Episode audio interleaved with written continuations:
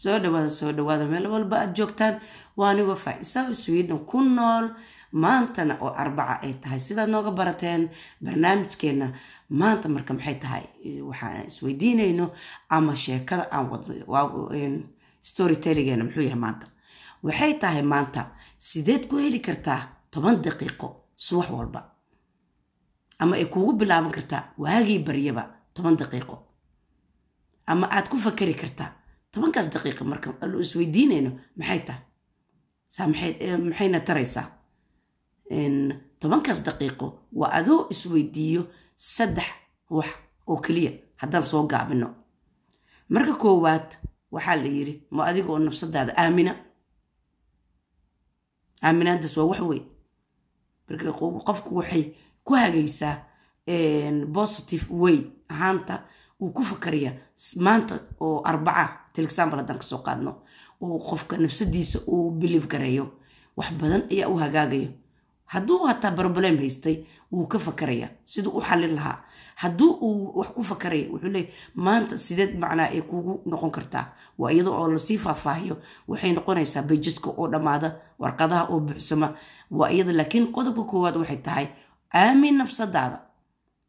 Second maxay tahay waa adiga oo dhegaysatid nafsadaada iyadana qodobkaas waa wax muhiim ah oo naga maqan qof walbaba haddii uu dhegaysan lahaa ama uu aamini lahaa waxaan qabaa waxa uu ku haminayo ama waxa waaga uu ugu bariyo tobankaas daqiiqo waagii bariyo in wax badan buu iska bedeli karaa. Qodobka saddexaad muxuu yahay waa adiga oo isweydiiyo maxaa rabtaa maanta oo arbaca ka soo qaata haddaan example ahaan u qaato. Marka qofka waa adigoo keliya haddaad maam tahay haddaad baabo tahay haddii uu qofka u yaryahay tobankaas daqiiqo waa adiga wax kuu gooni ah. Kuma jirtid caruurtaada kuma jiro ninkaaga kuma jiro dariskaaga kuma jiro muxuu ahaa qof inta guri kula joogto. Waa individual adigay ku qusaysaa. Marka qofka hadduu bareenkiisa ka shaqaysiiyo ama uu tuujiyo waxay noqonaysaa tobankan daqiiqa la sheegayay maxay maxay tahay?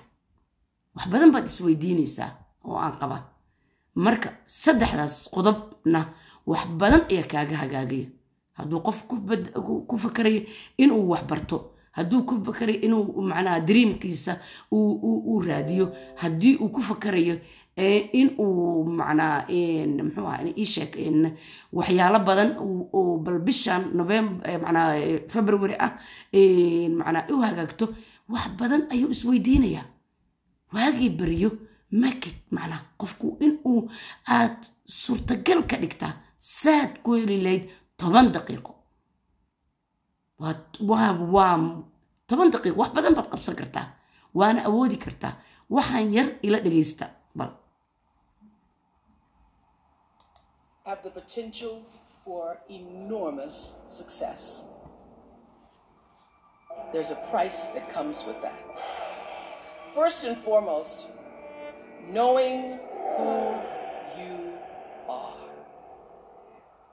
Knowing who you are.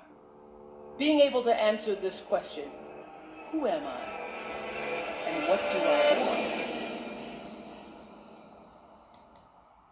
way la fahmaysaanaa u malaynayaa qofka hadduu ogaado waxa uu yahay qof kuu yahay muxuu rabaa? Uu biliif garaysan yahay.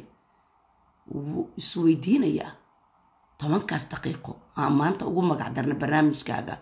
Get ready. Inaad heli kartid ama makit toban daqiiqo waxaad ogaanaysaa wax adiga aad rabtid. Anything is possible. Marka ma awooda ma tahay ma doonaysaa ma ku fakaraysaa toban daqiiqo in aad heshid waagii baryaba. Waa toddoba beri.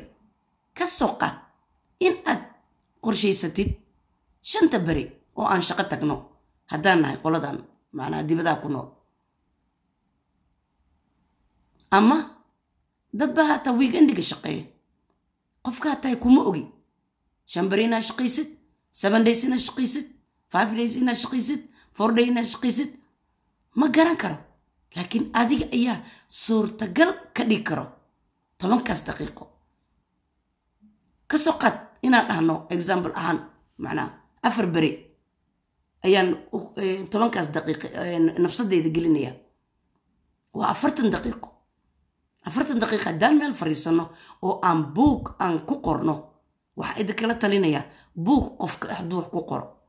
Waxa aad ku fakaraysid tobankaas daqiiqo waad xalli kartaa ama horumar baad ku gaari kartaa ama waa isa sixi kartaa ama cidda kula nool baad hagaaji kartaa ama gurigaagi baad hagaaji kartaa.